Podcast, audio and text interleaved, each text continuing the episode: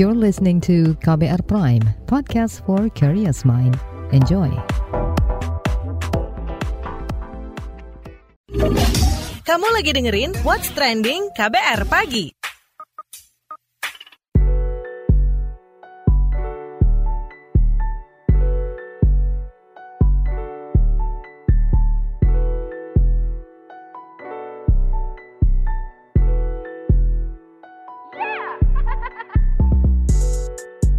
KBR Pagi, siaran pagi radio paling update. Selamat pagi, apa kabar Anda hari ini di hari Jumat 16 September 2022?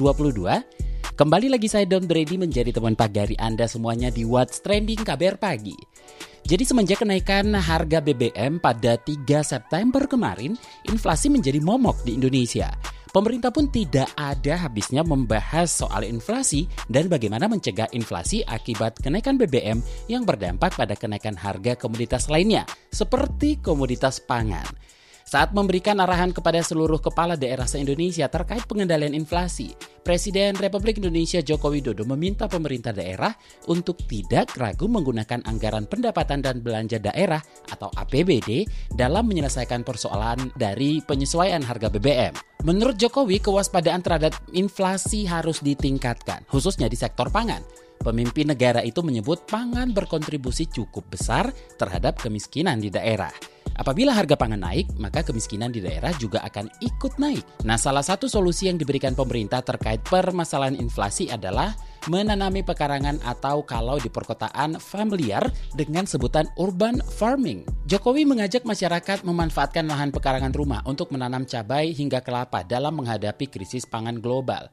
Hal itu dilakukan untuk memperkuat sektor pertanian saat menghadapi krisis pangan global, memperkuat ketahanan pangan sekaligus meningkatkan pendapatan masyarakat dengan mengoptimalkan lahan pekarangan. Ajakan ini juga digaungkan oleh Menteri Koordinator Bidang Kemaritiman dan Investasi, Luhut Binsar Panjaitan. Kata dia, itu merupakan cara sederhana masyarakat turut andil dalam upaya mengendalikan laju inflasi. Sejalan dengan penguatan upaya pengendalian inflasi pangan, Gerakan Nasional Pengendalian Inflasi Pangan GNPIP digaungkan di berbagai daerah. Dalam program ini, pemerintah mengoptimalkan peran tim pengendalian inflasi daerah dalam menjaga kesinambungan pasokan dan mengatur efisiensi rantai distribusi, khususnya pada komoditas cabai dan bawang. Yap, pemerintah pusat meminta pemerintah daerah menggalakkan pertanian di halaman atau pekarangan rumah. Masyarakat diminta budidaya cabai untuk mengendalikan inflasi pangan. Bahkan pemerintah menganggap urban farming dapat bersumbangsi pada pengendalian kenaikan inflasi di akhir tahun akibat kenaikan harga BBM. Gimana nih, kalian sudah mencoba urban farming atau udah mulai menanam cabai di pekarangan rumah? Nah, kita dengarkan dulu komentar warganet plus 62 berikut ini.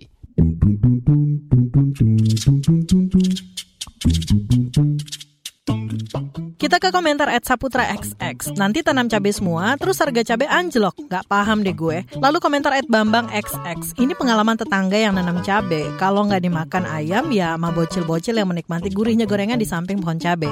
Lanjut ke at Marshall XX. Jangan dong kalau semua nanam cabai di pengarangan rumah masing-masing, gimana nasib kita petani nih? Lalu at Rigor XX. Boro-boro pekarangan, tempat jemur pakaian aja di atas genteng. At Arus Balik XX. Apa mungkin kita bisa tanam BBM? Lebih berdampak pada inflasi sih. Komentar at papanya XX. Udah dari tiga tahun lalu nanam cabai tetap nggak bisa nahan laju inflasi dan kenaikan BBM. Teori abal-abal. Komentar at Arbet XX. Modali warga buat tanam cabai, jangan gocek doang. At Raul XX. Manfaat utama dari urban farming adalah untuk ketahanan pangan yang dimulai dari ketahanan pangan keluarga. Kita bisa mulai dari rumah masing-masing dengan lahan sedikit pun udah bisa mulai urban farming. Yuk, sederet-deret sedoyo, mulai tanam. At Prat XX, hidup di kota tetap bisa bertani. Urban farming solusinya. Manfaatnya menambah segar, hijau, dan indah. Dan terakhir komentar at KIXX, apa aja sih manfaat urban farming? Optimalisasi tata ruang, menghilangkan stres, aktivitas fisik setara olahraga, penangkap air hujan, terus pemutus rantai panjang distribusi pangan. Lalu sumber makanan sehat, penghematan atau tambahan income, sedekah, dan penyerap karbon. What's Trending KBR Pagi. Kita lanjutkan obrolan kita pagi ini. Jadi Deputi Gubernur Bank Indonesia Doni Primanto Juwono mengatakan pemerintah telah menganjurkan pemerintah daerah untuk memulai gerakan menanam cabai di pekarangan. Gerakan ini dibuat untuk menekan laju inflasi di akhir tahun. Bank Indonesia juga berkomitmen mencegah kenaikan harga pangan guna menekan inflasi di akhir tahun ini. Deputi Gubernur BI Doni Primanto Juwono saat Gerakan Nasional Pengendalian Inflasi Pangan Riau 2022, 12 September 2022. Di daerah lain kita melakukan operasi pasar dan pasar murah. Nah ini yang mungkin dengan Sumsel, Sumut, Sumbar, ya. Dan tentunya nanti kita juga mendorong gerakan menanam cabai di pekarangan. Jadi ini yang kita sering sebut sebagai urban dibantu digital untuk supaya bisa urban farming. Jadi ini yang kami support dan tentunya ini nanti dari hulu sampai hilir. Dan jadi ini yang salah satu yang kami memberikan apresiasi kepada Bapak Ibu sekalian. Jumlahnya ribuan saya, saya rasa, tapi nampaknya yang komit 200 ya Pak Gubernur ya.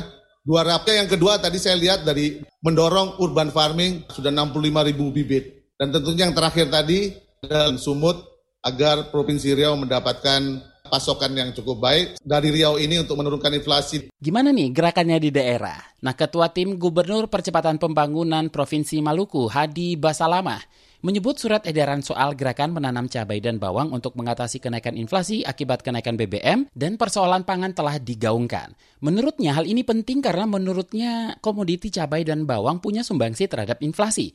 Berikut penuturan Ketua TGPP Provinsi Maluku, Hadi Basalamah dalam rapat koordinasi pembangunan Provinsi Maluku 9 September 2022. Bapak Gubernur telah mengedarkan surat edaran nomor 821 tanggal 29 Agustus 2022 kepada Bupati dan Wali Kota seprovinsi Maluku yang isinya adalah gerakan menanam cabai dan bawang.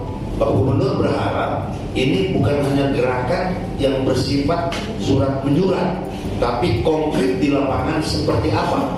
Kenapa ini diperlukan gerakan? Karena kebutuhan tiga komoditas dan telur yang ada di dalam Berdasarkan data BPS, ini adalah komoditas penyumbang inflasi.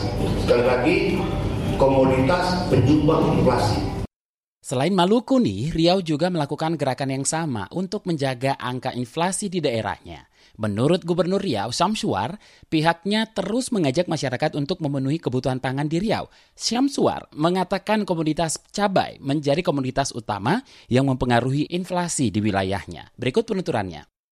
Kami bersama Pak Wali Kota, juga pimpinan BI dan Kopinda, Kota Dumai, ini dalam rangka untuk mengajak masyarakat agar kita bersama bisa uh, mempersiapkan pertama kebutuhan pangan kita yang ada di daerah ini. Khususnya saat ini adalah cabai, karena memang harga cabai ini yang tinggi yang mempengaruhi inflasi tadi. Dengan adanya ini, apalagi di kota Dumai ini kan kota strategis nih Bunga ini termasuk penyumbang devisa negara. Kalau ini tinggi terus, kita tidak bisa kendalikan, ini akan berpengaruh kepada tingkat kesejahteraan masyarakat di sini. Dan kami juga mengajak uh, TNI Polri untuk bersama-sama ini, karena memang secara nasional kita sekarang mendapatkan PR. Karena itu ya tentunya karena DPR ini adalah PR negara, ya saya mengajak kita gotong royong untuk menyelesaikan masalah ini. Kalau semangat gotong royong ini terus kita pertahankan dan kita sama-sama menyelesaikan persoalan ini dengan apa yang perlu kita persiapkan dengan berbagai kebijakan salah contoh dari pasar murah termasuk juga adanya penanaman cabai ini adalah upaya kita agar nanti inflasi di Riau ini eh, tidak tinggi lagi dan kita harapkan turun. Meski himbauan menanam cabai dianggap bagus, Direktur Eksekutif Institute for Development of Economic and Finance, Indef Tauhid Ahmad, menilai urban farming bukanlah solusi menekan angka inflasi yang diperkirakan meningkat usai kenaikan harga BBM. Menurut Tauhid, besarnya hasil produksi menanam di pekarangan dengan tingkat kebutuhan di pasar ataupun di rumah tangga masih jauh. Gak hanya soal supply dan demand, Tauhid juga menyoroti soal sulitnya bercocok tanam, serta persoalan musiman pada komoditas tertentu. Berikut penjelasan dari Direktur Eksekutif Indef, Tauhid Ahmad, kepada KBR. Ya saya kira itu imbauan itu bagus ya, tetapi nggak mampu meredam mampu meredam inflasi begitu ya, karena kebutuhannya terlalu tinggi itu yang pertama ya. Jadi yang kedua adalah musim. Nah musim kalau kita rumah tangga menanam cabai di rumah tangga sebenarnya sama aja dengan melakukan di petani, tapi memang bisa mengurangi disparitas harga di tingkat konsumen begitu ya. Tapi karena faktor musim, kalau misalnya budidayanya sama ketika musim sekarang hujan tinggi ya cenderung cabai itu sulit untuk berproduksi secara optimal gitu ya. Karena kalau musim hujan cenderung bunganya nggak jadi nggak jadi buah dan sebagainya gitu loh. Nah tetapi ya eh, untuk jenis tertentu memang masih tahan cuaca, tapi sebagian besar cabai merah, cabai keriting, nah itu nggak tahan cuaca. Saya kira kalaupun eh, ada perlu dibantu adalah ya bagaimana justru kalangan industri untuk uh, membuat semacam budidaya yang menggunakan rumah kaca sehingga pengaruh daripada efek iklim dan sebagainya masih bisa dikontrol begitu. Nah saya kira harus ada industri besar-besaran yang memasok itu dan sehingga kita nggak tergantung perubahan iklim. Kurang begitu efektif dari dulu juga dianjurkan ya. Penganjuran untuk menanam cabai sebenarnya dianjurkan. Ada bantuan benih, bibit dan sebagainya tetapi biasanya kurang begitu efektif karena tadi agak beda perlakuan untuk cabai merah, cabai keriting itu butuh intensif, butuh pupuk dan sebagainya begitu agak relatif. Inilah perlu teknik yang saya kira cukup harus dilakukan begitu ya. Teknis budidaya pada musim hujan gitu ya. Kemudian berkaitan dengan kalau misalnya uh, produksi itu uh, bagaimana kalau uh, problemnya juga di lahan-lahan yang masyarakat perkotaan sulit gitu karena hanya menggunakan pot dan tidak semua bisa melakukan itu begitu ya misalnya hidroponik dan sebagainya kan butuh modal juga ya. What's trending KBR pagi?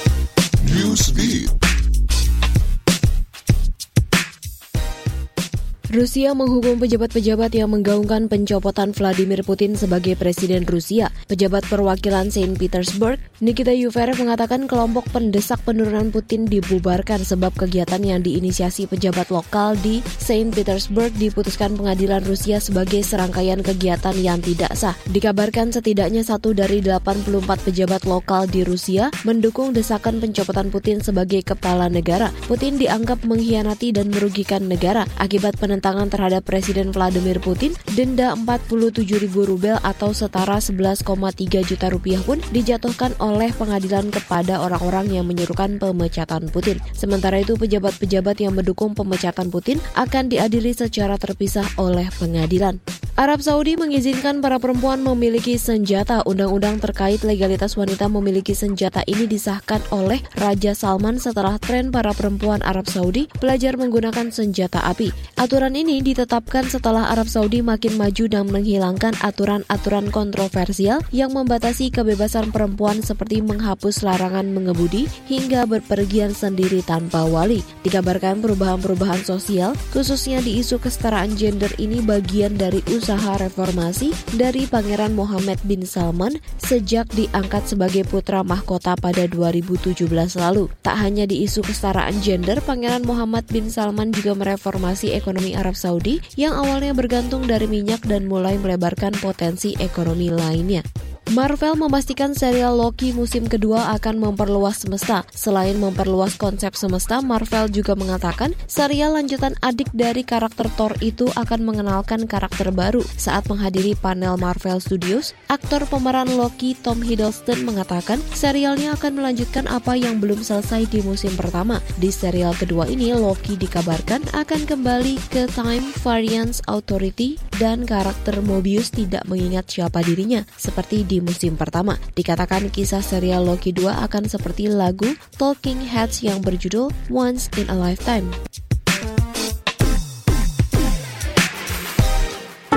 What's trending KBR pagi? Tanam cabai jadi solusi inflasi, itu yang kita obrolin pagi ini. Nah, founder Tani Alit, Sophia Loreta, menilai wacana pemerintah untuk memberdayakan urban farming atau menanam di pekarangan rumah untuk menekan angka inflasi itu jauh panggang dari api.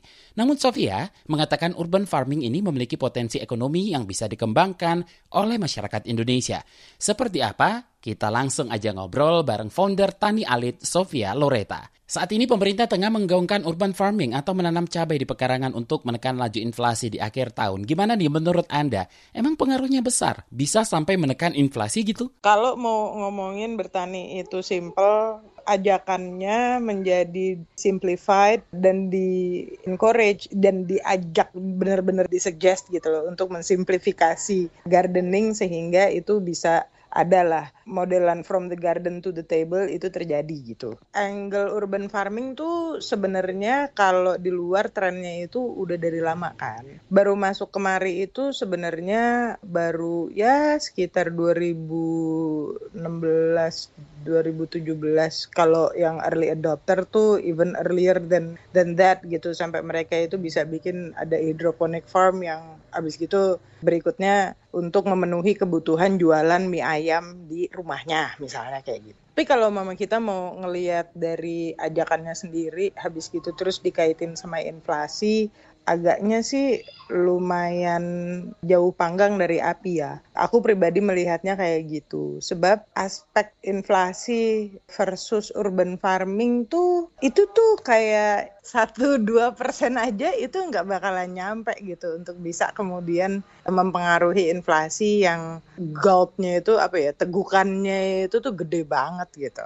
I mean urban farming kalau umpama itu dilakukan serentak di ada 34 kota besar, mungkin bisa jadi 52 kota besar se-Indonesia Raya ya. Itu pun juga nggak akan ngasih segitu gedenya gitu. Nah, seberapa efektif sih menanam di pekarangan atau urban farming ini membantu perekonomian di rumah tangga?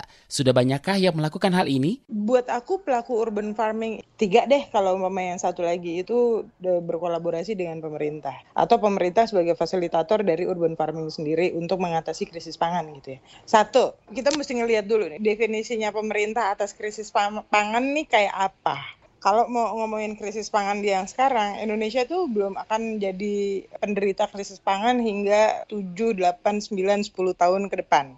Gitu. Walaupun rusaknya cuaca itu udah udah mulai kita rasakan sekarang gitu. Nah, kalau umpama mau ngomongin pelaku urban farming itu ada rumahan, sama ada memang agribisnis yang melakukannya. Agribisnis sampai sekarang belum mau melirik urban farming karena bertani ada di kota itu modalnya gede, asli gede banget.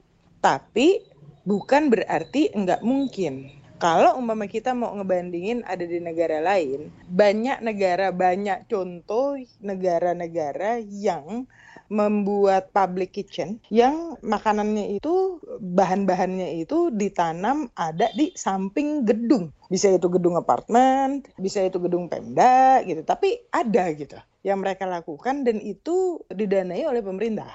Kalau umpama mau ngomongin kayak begitu, jangankan ngomong sampai ke level gedung dan kemudian dikerjakan sama agribisnis ya. Jadi creating menciptakan lahan yang bisa ditanami itu akan menjadi tantangan baru gitu. Jadi buat aku ngomongin urban farming habis gitu dikasih tanda kurung itu adalah seruan pemerintah. Aku jadi ingin kembali menanyakan ini jargonistik atau tidak itu satu. Dan yang kedua supportnya mereka itu lantas mau dia jawantahkan dalam bentukan apa? Karena di level kelurahan itu budgetnya itu masih baru sampai kepada ngebikin serapan biopori dan bikin taman RT atau taman RW. Buat orang-orang yang mau mencoba atau memulai urban farming, apa yang mereka butuhkan? Barangkali biar makin masif, perlu support apa dari pemerintah? Di Bogor Tangsel sudah sampai FAO sendiri pun mereka itu bikin penelitian di daerah Bogor dan Tangsel ngomongin urban farming sebagai survival effort yang dilakukan oleh warga. Jadi beneran survival effort gitu yang dilakukan oleh warga untuk bisa sustaining pandemi gitu. Dan ini jadi menarik gitu. Hanya di bagian Jakarta yang lain ya itu masih kalau duitnya agak banyakan bisa bikin hidroponik farm ala-ala kecil-kecilan ada di rumah buat lucu-lucuan, seger-segeran bisa dikonsumsi terus dibangga-banggain gitu di Instagram gitu. Tapi ada juga yang emang uh, niat nih bikin hidroponik farm buat dijual habis gitu terus ngikut di marketplace yang jualan sayur-sayuran segar atau produk segar lainnya gitu ya. Dan itu aku ada beberapa kawan yang memang juga terjun ada di situ gitu. Ngomongin uh, bertani itu kan nggak cuman ngomongin supply and demand dari sisi konsumsi ya tapi juga ngomongin supply and demand dari sisi supporting sarana produksi pertanian gitu ya itu tuh jadi market sendiri gitu. Jadi ngomongin urban farming bisa dipakai buat jadi nambah income di rumah tangga, ya otomatis itu secara otomatis bisa. At least nih kalau umpama dia itu nggak jual produk pertaniannya, seenggaknya dia nggak belanja. Seberapa besar sih potensi ekonomi dari urban farming dan seberapa besar potensinya di Indonesia, khususnya wilayah perkotaan saat ini? masyarakat Jakarta atau daerah lainnya paling banter mereka akan bisa tanam cabai karena itu yang paling mudah ngurusnya nggak ribet. Kalau bawang, bawang itu dia tanaman yang cukup sensi. Artinya tuh gini, jadi secara karakter bawang merah itu butuh panas yang full. Dapat suhu tinggi dia baik-baik aja. Irigasi untuk bawang itu lumayan butuh kejelian kita perlu punya effort khusus untuk bisa ber, bercocok tanam bawang merah walaupun memungkinkan ya dan habis gitu terus waktu tunggu panennya tuh lumayan lama bawang putih. Bawang putih kan kalau yang di pasar induk atau pasar tradisional itu kan dia ada dua model ya. Dia ada bawang ada bawang cutting gitu sama ada bawang yang biasa lah gitu. Bawang putih mau jenisnya apa pun itu dia adalah tanaman dataran tinggi. Kalau di dataran rendah bukan yang nggak tumbuh, berumbi nggak? Kalau umpama dia tidak berumbi pun mau diambil daunnya udah kayak kita pakai daun bawang pun juga sebenarnya nggak kenapa-napa, wanginya masih tetap bawang putih gitu. Tapi kan jarang tuh orang melakukan hal itu gitu. Pemerintah tuh kayaknya boleh deh nyaranin ke masing-masing RT untuk punya kebun komunal. Jadi comot lah itu kampiun-kampiun urban farmer baik itu yang organik ataupun yang non organik gitu setidaknya punya ada kemauan untuk berkebun secara komunal aja itu udah jadi achievement paling paling capaian paling rendah yang bisa ditargetin gitu sama pemerintah gitu. Terima kasih founder Tani Alit Sofia Loreta. What's trending KBR pagi? Commercial break. Commercial break. Sepasang kekasih yang terpaut usia hingga 61 tahun di Subang. Ini bukan hal baru. angka pernikahan dini juga Kawin anak terus terjadi, sering kali menjadi viral, bahkan jadi bahan guyonan dalam kemasan berita yang sensasional. Seorang gadis berusia 18 tahun. Seolah ini bukan masalah.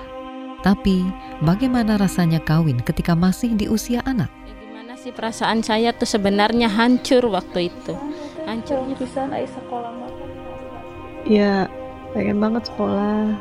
Lihat orang. Saya ajak kamu mendengar langsung suara mereka yang dikawinkan di usia anak. Ibu sama bapak tetap paksa untuk menikah. Saya tidak bisa memenuhi impian bapak ibu. Saya Malika, ini adalah Disclose, serial podcast investigasi dari KBR. Yang penting saya mau ningkain cita-cita Disclose, dipaksa kawin. Bisa disimak di KBR Prime, Spotify, dan aplikasi mendengarkan podcast lainnya.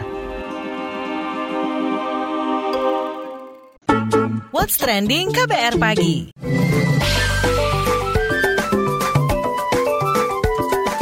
WhatsApp Indonesia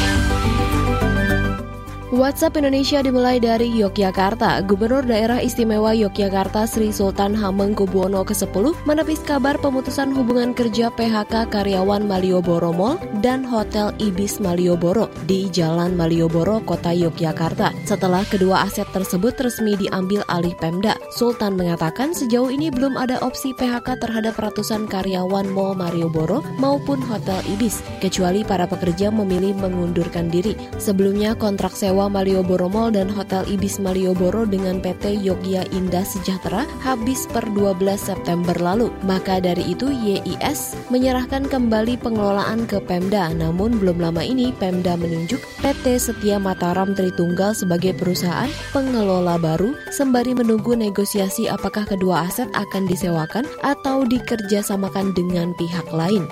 Selanjutnya menuju Nusa Tenggara Barat, Dinas Pariwisata Provinsi NTB optimis kunjungan wisata ke daerahnya bisa mencapai angka minimal 2 juta pada akhir tahun 2022. Awalnya NTB menargetkan 4,5 juta angka kunjungan tahun ini, namun target itu dikoreksi sebab COVID-19 belum sepenuhnya mereda. Sekretaris Dinas Pariwisata Provinsi NTB lalu Hasbul Wadi mengaku ada banyak event berskala internasional di NTB ini yang bakal berdampak pada pada kunjungan wisatawan. Sekretaris Dinas Pariwisata Provinsi NTB, lalu Hasbul Wadi mengatakan, dari hasil monitoring di lapangan terutama di sejumlah destinasi wisata unggulan seperti Gili, Tramena, Trawang, Meno, dan Air di Lombok Utara, dalam sehari tidak kurang dari 1.500 wisatawan mancanegara yang berkunjung ke sana. Sebagian besar wisatawan mancanegara yang datang dari Bali itu menggunakan kapal cepat yang rutin memberikan jasa penyeberangan rute Bali Lombok. Terakhir, mampir Jakarta. Akibat kenaikan harga bahan bakar minyak BBM PT Transportasi Jakarta, Transjakarta memperpanjang jam operasional Transjakarta selama 24 jam.